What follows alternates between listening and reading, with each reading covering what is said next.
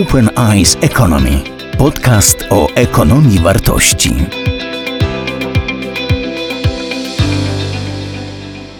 Bardzo dziękuję panu profesorowi Wilkinowi za skomentowanie tych moich ogólnych rozważań i podzielenie się także swoim uniwersyteckim, bogatym doświadczeniem. W drugiej części wykładu e, chciałbym, byśmy wspólnie odnieśli się nie do uniwersytetu w sensie uniwersalnym, do uniwersytetu w sensie powszechnym, e, globalnym, natomiast e, odnieśli się do doświadczenia szkolnictwa wyższego w Polsce. Trudno bowiem w wykładzie o uniwersytecie nie podjąć e, rozmowy, refleksji na temat e, reformy szkolnictwa wyższego, w której uczestniczymy. E, reformy, której podstawą jest tak zwana ustawa 2.0, będąca z kolei odniesieniem do dokumentu, który przygotowany został przez Ministerstwo Nauki i Szkolnictwa Wyższego a jego powstania inicjatorem był y, Jarosław Gowin. Y, dodam y, przy okazji, że Jarosław Gowin ma w swoim bogatym życiorysu również i doświadczenie kierowania uczelnią, szkołą Tischnera w Krakowie. Więc przygotowana była konstytucja, która stanowiła podstawę dla tej reformy, wprowadzono ustawy, uczestniczymy w procesie jej wdrażania. Ja nie będę mówił o samym e, reformowaniu, o tym, jak to przebiega. E, komentarz e, do całej tej koncepcji, o komentarz poproszę profesora Wilkina. Natomiast chciałem powiedzieć, dlaczego w Polsce reforma szkolnictwa wyższego była potrzebna. Jakie zjawiska, moim zdaniem, stanowiły podstawę, stanowiły uzasadnienie dla takiego bardzo zdecydowanego e, działania. Chcę przy tym powiedzieć, że tak jak i pan profesor Wilki, ja mam za sobą kilkudziesięcioletnie doświadczenie w pracy uniwersyteckiej. E, studiowałem na Uniwersytecie Ekonomicznym w Krakowie. Pracę na uczelni rozpocząłem na początku 1972 roku zbliżam się do momentu przejścia na emeryturę, więc to, co chcę powiedzieć w tej części wykładu, jest także i jakby refleksją wynikającą z mojego wieloletniego doświadczenia. Mówię więc o procesie degradacji szkolnictwa wyższego w Polsce, przy czym widzę ten proces w perspektywie lat 90 i prawie dwóch dekad y, obecnego wieku, a więc w długiej perspektywie. I jakie zjawiska wydają mi się być szczególnie ważne dla takiego krytycznego spojrzenia. A to skokowe umasowienie kształcenia wyższego. Ja przypomnę, że na początku lat 90. liczba studentów wynosiła mniej więcej 40 tysięcy, a liczba szkół wyższych była poniżej 100. Teraz mamy w szczytowym momencie, bo ten moment już minął, mieliśmy 2 miliony studentów, a szkół wyższych było kilkaset. Po drugie, cały mechanizm finansów publicznych wymusił komercjalizację znaczącego zakresu usług dydaktycznych. Były takie momenty, że w niektórych uczelniach, nasza Uniwersytet Ekonomiczny jest takim przykładem, kiedy mniej więcej 50%. W każdym razie znaczący udział budżetu uczelni pochodził z, ze studiów zaocznych. One stanowiły niemalże nie jakiś dodatkowy segment, ale nie, niemalże równoważny segment, a z punktu widzenia finansowego równoważny segment, jak ten, którym były studia stacjonarne. A jednocześnie te studia, za które e, ich uczestnicy płacili, były niewątpliwie studiami gorszej jakości. Były dwa standardy, znacznie niższe, mimo że opłacany e, studiów zaocznych i znacznie e, wyższy studiów stacjonarnych. Co oznaczało ekonomiczną segregację studentów? to nie jest tak jak kiedyś w przeszłości, że na studia zaoczne przychodzili ludzie z doświadczeniem zawodowym. Na studia e, zaoczne przychodzili ci, którzy nie dostali się na studia dzienne. A w związku z tym to byli tacy sami młodzi ludzie, jak ci, którzy przychodzili na studia stacjonarne, ponosili, płacili czesne, ponosili dodatkowe koszty, a otrzymywali coś gorszego.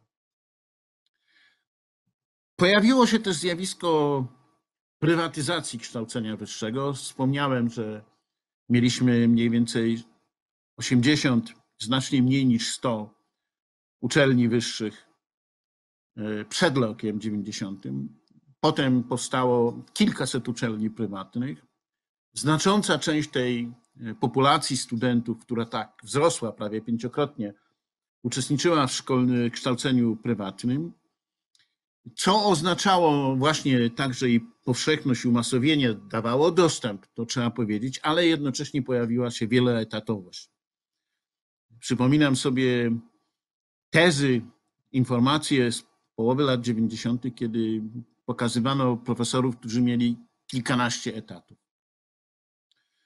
E, Wieloetatowość stała się normą. Ludzie łączyli pracę w uczelni publicznej z pracą w uczelni prywatnej.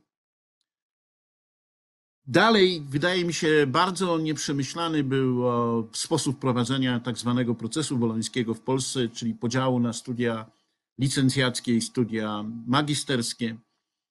E, mm, Ja studiowałem w systemie czteroletnim, mniej więcej w tym samym dużym e, grupie ludzi. Przez cztery lata pracowaliśmy razem, byliśmy jednym rokiem podzielonym na grupy dziekańskie ale mieliśmy wykłady, które nas łączyły. Ale jednocześnie było tak, że przechodziliśmy od jednych nauczycieli do drugich, ale nie zrywaliśmy kontaktów z tymi nauczycielami, z którymi e, już e, nie pracujemy. Ja przez całe swoją aktywność zawodową stale wracałem do nauczyciela, który wywarł na mnie bardzo e, duży wpływ, o którym będę mówił w następnym wykładzie do profesora Adama Węgrzeckiego, który uczył na naszej uczelni filozofii. To był najpiękniejszy, najwspanialszy wykład, w którym uczestniczyłem. I y, bardzo wiele rzeczy później inicjowałem tak, żeby mieć kontakt z profesorem y, Węgrzeckim. Gdzieś dzisiejsze moje rozważania o ekonomii wartości osadzone w filozofii są zaszczepione mi przez profesora Węgrzeckiego.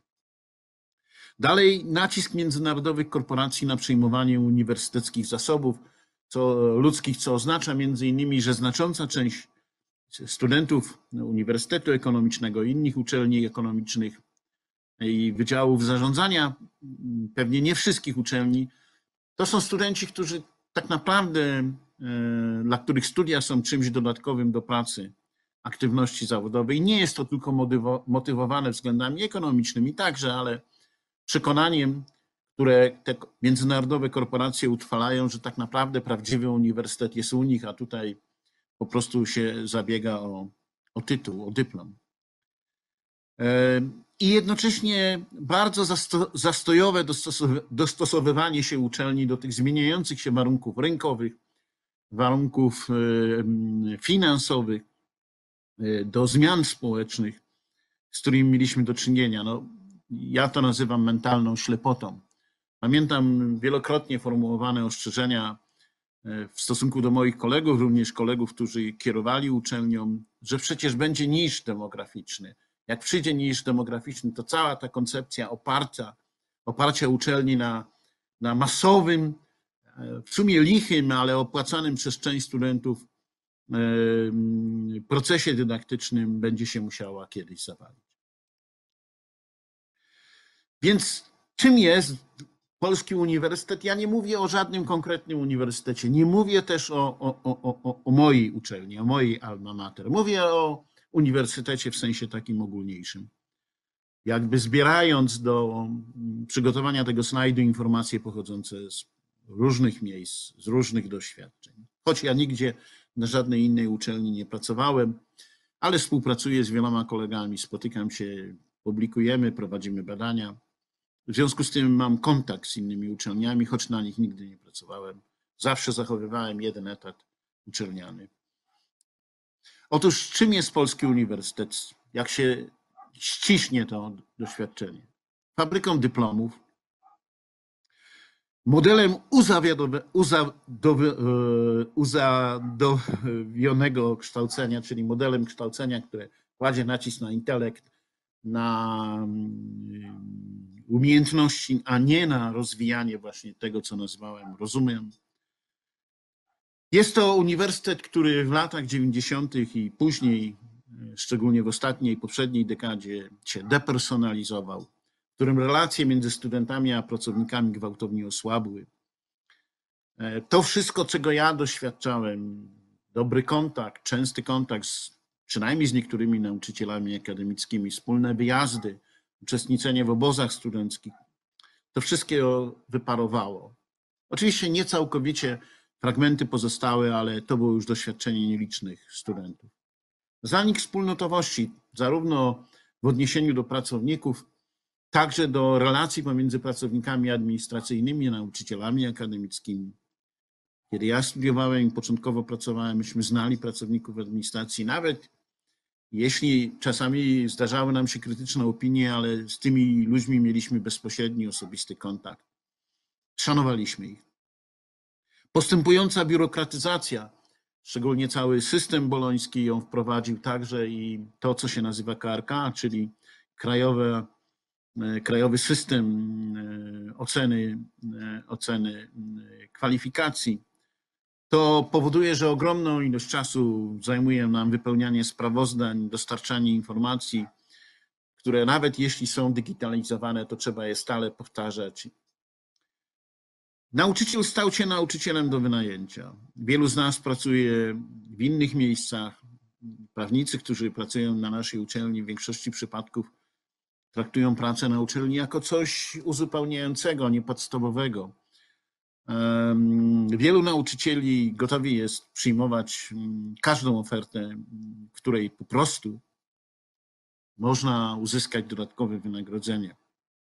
A jednocześnie wraz z tym faktycznym opuszczaniem uczelni jako miejsca, w którym się ludzie spotykają, w którym mają intensywny kontakt, w którym po prostu tworzą wspólnotę, a przenoszeniem się do różnych innych miejsc, zanim jeszcze pracujemy zdalnie, na uczelnię wkraczała martwota kulturalna i aksjologiczna. I jeśli e, jest sens dyskutowania o tym procesie reformowania, a ja uważam, że reforma była potrzebna, choć to nie oznacza, że ta reforma dokładnie odzwierciedla moje oczekiwania, ale jesteśmy w trakcie reformowania szkolnictwa wyższego, uniwersytetu. Dokonuje się na naszej uczelni, na naszych oczach zmiana pokoleniowa, gdy chodzi o osoby, które będą uczelnią kierowały. To jest oczywiste. Moje pokolenie, które było pokoleniem bardzo liczebnym na uczelni, największa grupa profesorów pochodzi z lat zatrudnienia 71, 72, 73. Teraz ci ludzie albo przeszli już na emeryturę, albo przychodzą. Przychodzi nowe pokolenie. I bardzo dobrze. To chcę powiedzieć, że to pokolenie będzie musiało odszukać zagubioną ideę. Dla naszego uniwersytetu, jak i w ogóle wszystkie młode pokolenia przyjmujące dzisiaj odpowiedzialność za uniwersytet będą musiały to zrobić dla swojej uczelni. Znaleźć drogę do wspólnoty badawczej. Znaleźć drogę do tego, by uniwersytet był generatorem wiedzy. Znaleźć zdolność do popatrzenia na kształcenie jako kształcenie wielowymiarowe, gdzie łączymy wiedzę, umiejętność, kompetencje i wyobraźnię nie tylko trzy komponenty, które często wymieniamy, również ten czwarty, bez którego nie ma odpowiedzialności. W duchu tych tez, które przywołałem w pierwszej części wykładu. Także zrozumienie, że uniwersytet musi być specyficzną ins- instytucją kultury. Nie kształci artystów, są, chociaż są uczelnie artystyczne i niektóre uniwersytety kształcą też w tym zakresie ale kształci ludzi, którzy muszą być otwarci, na kulturę i tworzyć kulturę. I musi być, co jest niezwykle ważne, wspólnotą akcjonormatywną, wspólnotą refleksji, dyskursu etycznego, dyskursu o, o tym, co dobre, co złe, co słuszne, co niesłuszne, co instrumentalne i co egzystencjalne. I prosiłbym teraz pana profesora Wilkina, żeby on spojrzał na tą reformę, y, którą przechodzimy ze własnej perspektywy. I zechciał powiedzieć, czy ta moja opinia o tym, jaki był punkt wyjścia i do czego mamy zmierzać, jest opinią, którą akceptuję, a zarazem, czy rzeczywiście ten proces, który w tej chwili przebiega, wiedzie do tego, o co mi chodzi. Proszę Państwa, teraz y, kilka słów chciałem powiedzieć o tym, co się dzieje z systemem szkolnictwa wyższego i pewnymi reformami, które są podejmowane y, w, w naszym kraju właśnie w tej dziedzinie. Y, po pierwsze, tuż po rozpoczęciu tej tak zwanej transformacji postsocjalistycznej nastąpił swoisty wybuch edukacji czy instytucji mm, wyższego kształcenia na poziomie wyższym, czyli różnego rodzaju uczelni. E, między innymi to było efektem tego, że udało się, znaczy udało się, zaakceptowano możliwość zakładania i funkcjonowania uczelni prywatnych. Tych uczelni powstało bardzo, bardzo dużo. W Polsce około był taki czas, kiedy, o ile pamiętam, około 300 uczelni. E, w związku z tym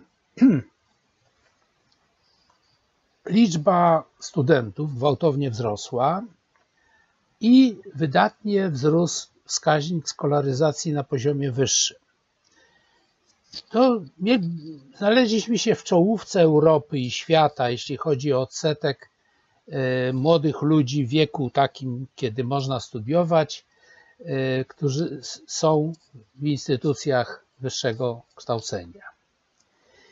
To była pierwsza sprawa, e, która oczywiście miała swoje znaczenie i miała też dobre strony, bo wiele wielu młodych ludzi miało zwiększony i łatwiejszy dostęp do y, kształcenia na poziomie wyższym. Ale miało też y, szereg y, gorszych czy złych stron. To, to umasowienie właśnie kształcenia na poziomie wyższym. Po pierwsze, wkradła się do tego czasami byle jakość kształcenia. Właśnie, że, że to była taka maszynka, do e, wypuszczania absolwentów. E, standardy tego kształcenia nie były odpowiednio wysokie. Te uczelnie były odległe od wzorca uniwersytetu.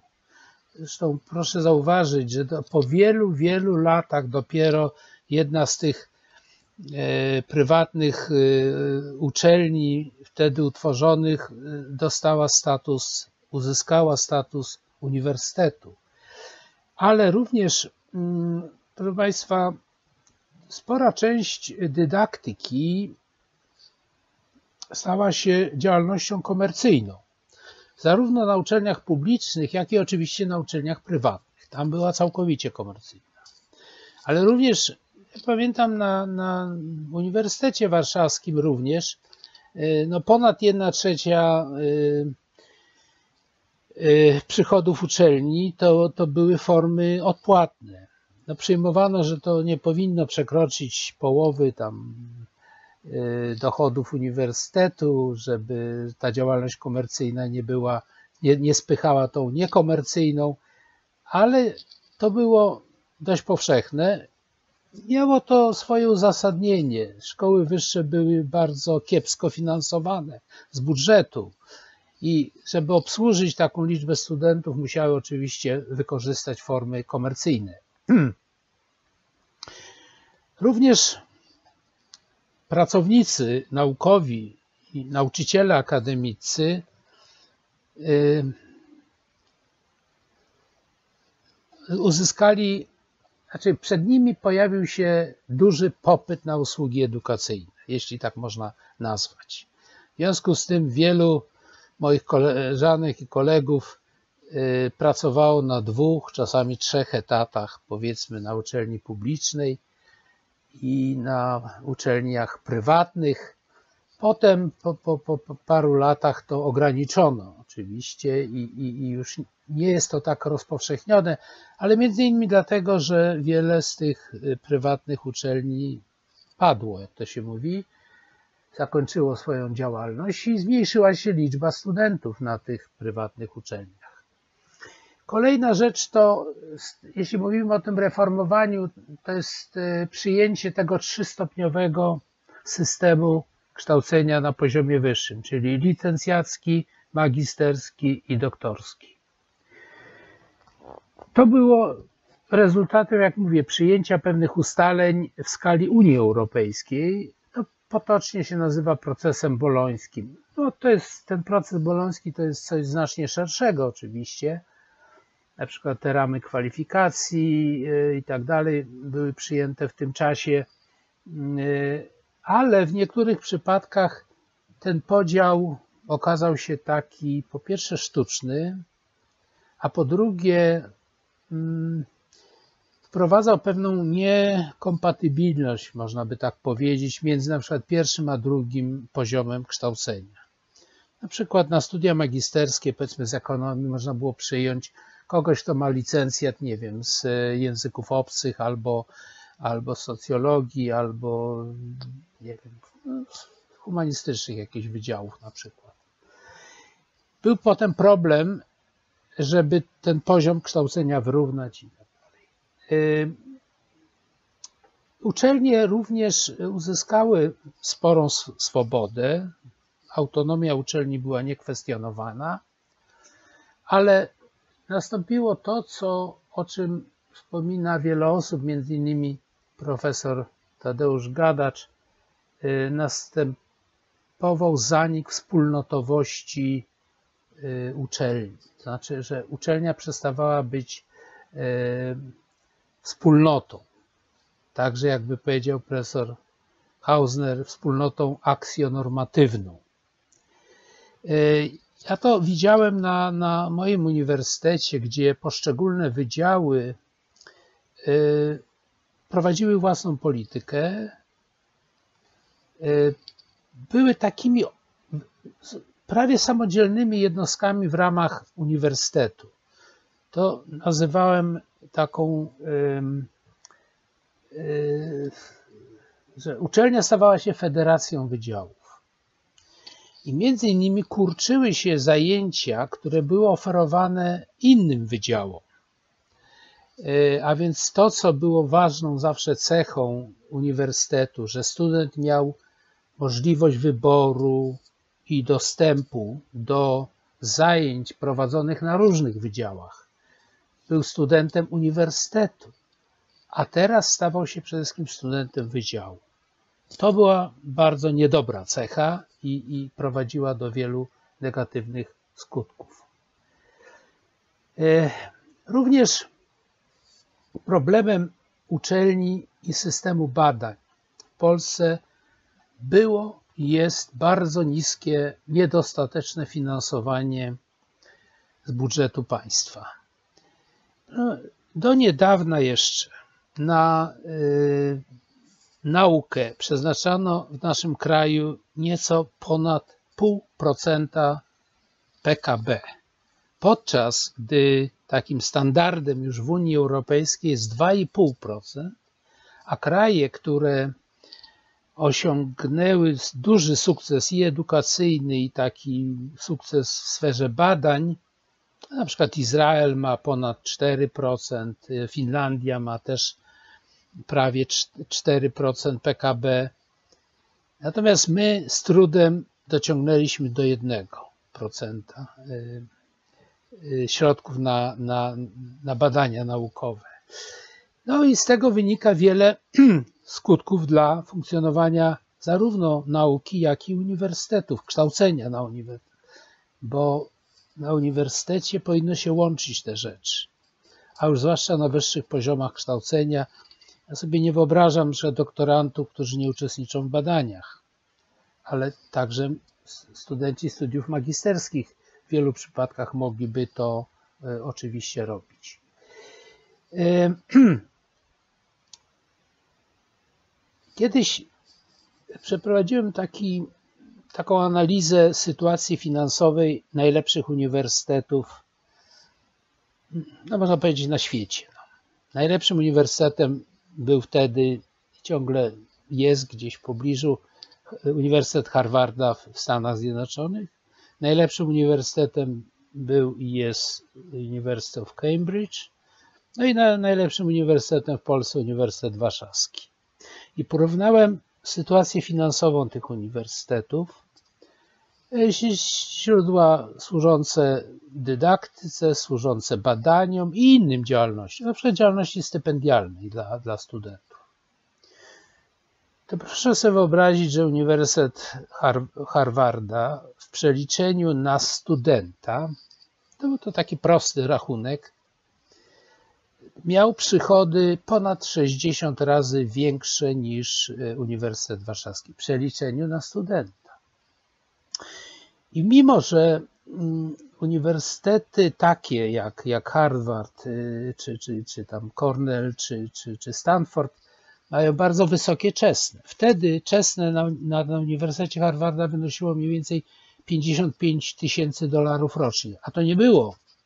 To nie był całkowity koszt, że tak powiem, kształcenia tego, tego studenta, broń Boże, e, to mimo tej, tego wysokiego czesnego, tych drogich studiów dla, z punktu widzenia studenta, przychody z czesnego stanowiły tylko 17%, a reszta, no właśnie z tego majątku, który zgromadził uniwersytet dzięki darowiznom, spadkom różnego rodzaju, pomnażaniu właśnie bogactwa w różny sposób.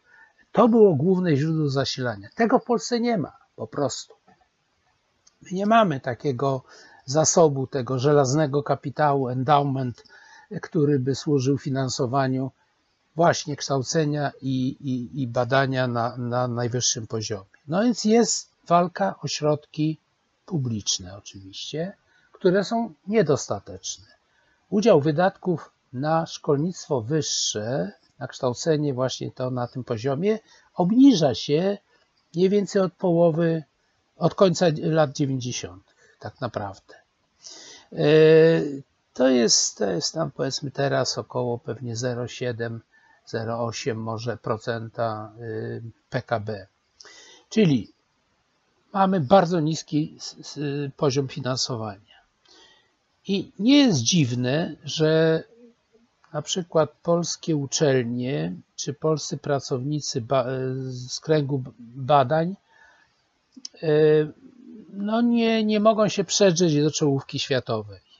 E, jeśli jeden uniwersytet, o którym wspomniałem, Harvarda, miał środki na badania prawie takie, jak cała Polska miała na, na badania, no to, to właśnie to pokazuje. A miała około 20 tysięcy studentów, e, zaledwie, to nie jest jakaś wielka, masowa uczelnia, to jest elitarna po prostu uczelnia.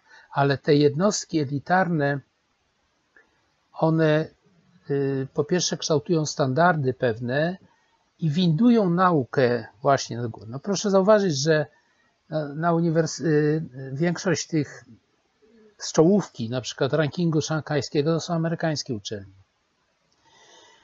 E, ale w Stanach Zjednoczonych jest około 3000, nazwijmy to, wyższych uczelni, uniwersytetów i, i, i college'ów. No a te, które są znane, no to jest tam powiedzmy około 50.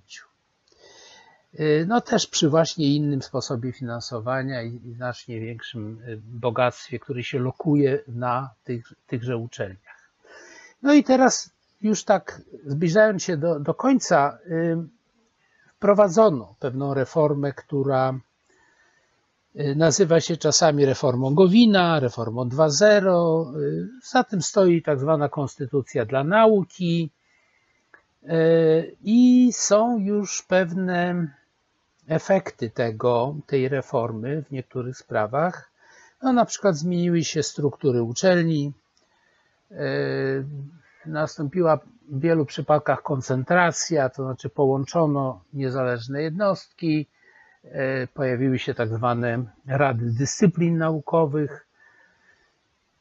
Wzmocniona została rola rektorów, a zmniejszyła rola senatu uczelni, czyli takie powiedzmy argumenty menedżerskie tutaj y, odegrały pewną rolę w tym, że mm, takie zmiany zostały y, wprowadzone. Ale y, proszę Państwa, są skutki uboczne tego wszystkiego. Ponieważ środków jest mało, trwa rywalizacja bardzo ostra o te bardzo skromne środki. Nazywam to czasami dzieleniem biedy. No ale powstały y, nowe klasyfikacje uczelni. Właśnie jedną, jednym z efektów y, tej, tej reformy było pojawienie się kategorii A, A, B i C. Przewiduje się jeszcze inne kategorie w, w następnych latach.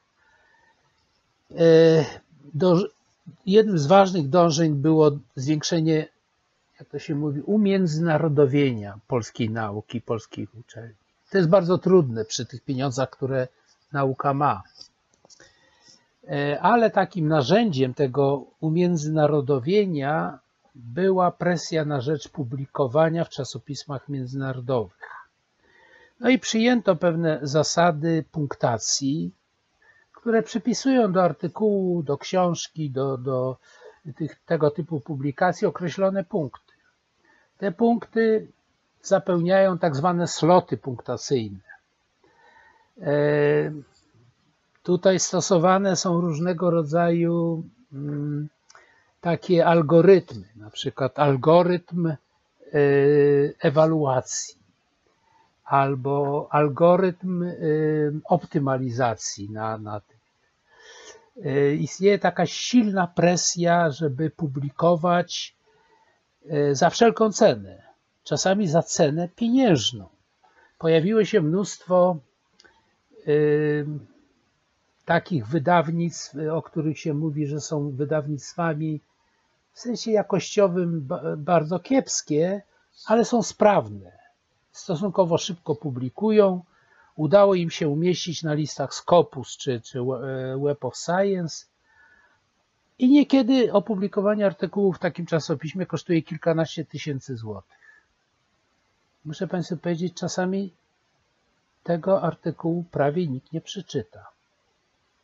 Przeglądałem pewne punktacje dotyczące niektórych artykułów zamieszczonych właśnie w takich międzynarodowych czasopismach, które, za które się u nas dostaje dużo punktów. I okazywało się, że nie wiem, y, dany artykuł, powiedzmy, prawdopodobnie przeczytało 10 osób, a może jedna z nich za, zacytowała dany artykuł. No i jest pytanie, czy nie lepszą, czy bardziej efektywną formą jest to, że w czasopiśmie polskim, które może uzyskać bardzo niewielką liczbę punktów na ogół, Dany artykuł przeczyta 200-300 osób niekiedy, a zacytuje 50. I to daje lepszy ogląd wpływu danej publikacji na naukę niż powiedzmy opublikowanie w czasopiśmie, za które uczelnia, wydział i dana, dana y, osoba dostanie na przykład 70 punktów, chociaż tej publikacji po prostu ona jest w obiegu międzynarodowym, ale prawdopodobnie niewiele osób bądź nikt nie przeczyta. I proszę Państwa, jest takie teraz poczucie takiej szalonej presji i takiej krótkookresowości. I wydaje mi się, że efekty tego, tego typu reformy nie będą, nie popchną tej naszej nauki bardzo do przodu i nie, nie pozwolą wypłynąć na te najwyższe fale, że tak powiem, światowe, y, ponieważ y, to nie jest uzupełnione innymi elementami, które y, są konieczne. No, na przykład w humanistyce bardzo często ważniejsze są monografie niż artykuły.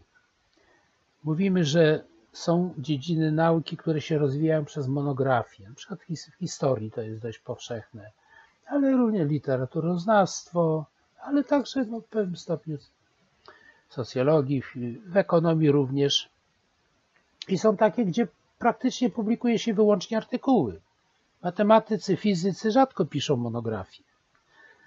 E, natomiast przyjęto pewną reglamentację w tych naszych zasadach reformowania nauki, że w naukach społecznych i humanistycznych e, na przykład monografie nie mogą stanowić więcej niż 20% tych publikacji, które są zaliczane do punktacji jednostki, od której zależy kategoria potem A, B, C i tak dalej.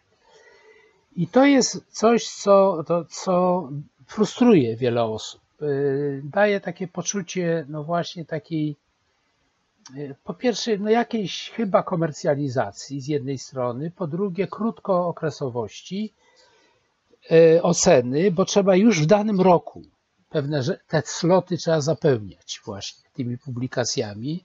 Związku z tym jest ta szalona presja. Żerują na tym różnego rodzaju Y, czasopisma mm, takie właśnie, które dla pieniędzy, że tak powiem, utworzyły swoją działalność. I no, są osoby, które pracują wolniej, są osoby, które pracują szybko. Ja tu przytaczam taki dość znany już przykład wybitnego filozofa Immanuela Kanta w Królewcu, który całe życie mieszkał Mm, który na przykład swoje takie fundamentalne dzieło Krytyka czystego rozumu y, pisał przez ponad 10 lat. W polskich warunkach oceny on by dwukrotnie już dostał negatywną ocenę i prawdopodobnie by musiał szukać swojego innego miejsca pracy. A poza tym zapytano by go zapewnie, a dlaczego takie opasłe y, tomisko y, piszesz, a nie pięć artykułów na przykład w tym czasie. No z tych paradoksów mamy dużo.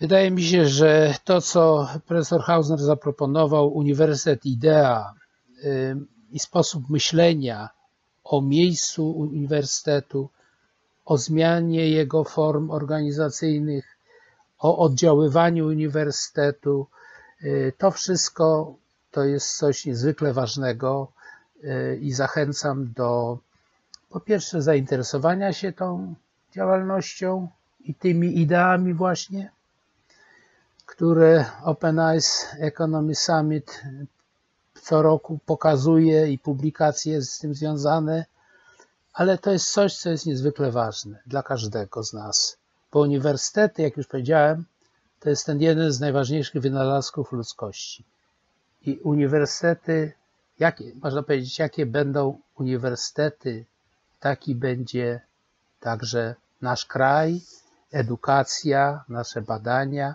i wiele, wiele innych rzeczy, bo uniwersytet jest jednostką wielofunkcyjną.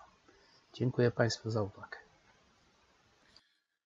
Dziękuję bardzo panu profesorowi Wilkinowi za jego wkład w dzisiejszy wykład. Dziękuję zarówno o, za to, o czym mówił na temat relacji intelekt-rozum, jak i jak przedstawił problematykę reformowania szkolnictwa wyższego w Polsce. A teraz zmierzam do konkluzji wykładu.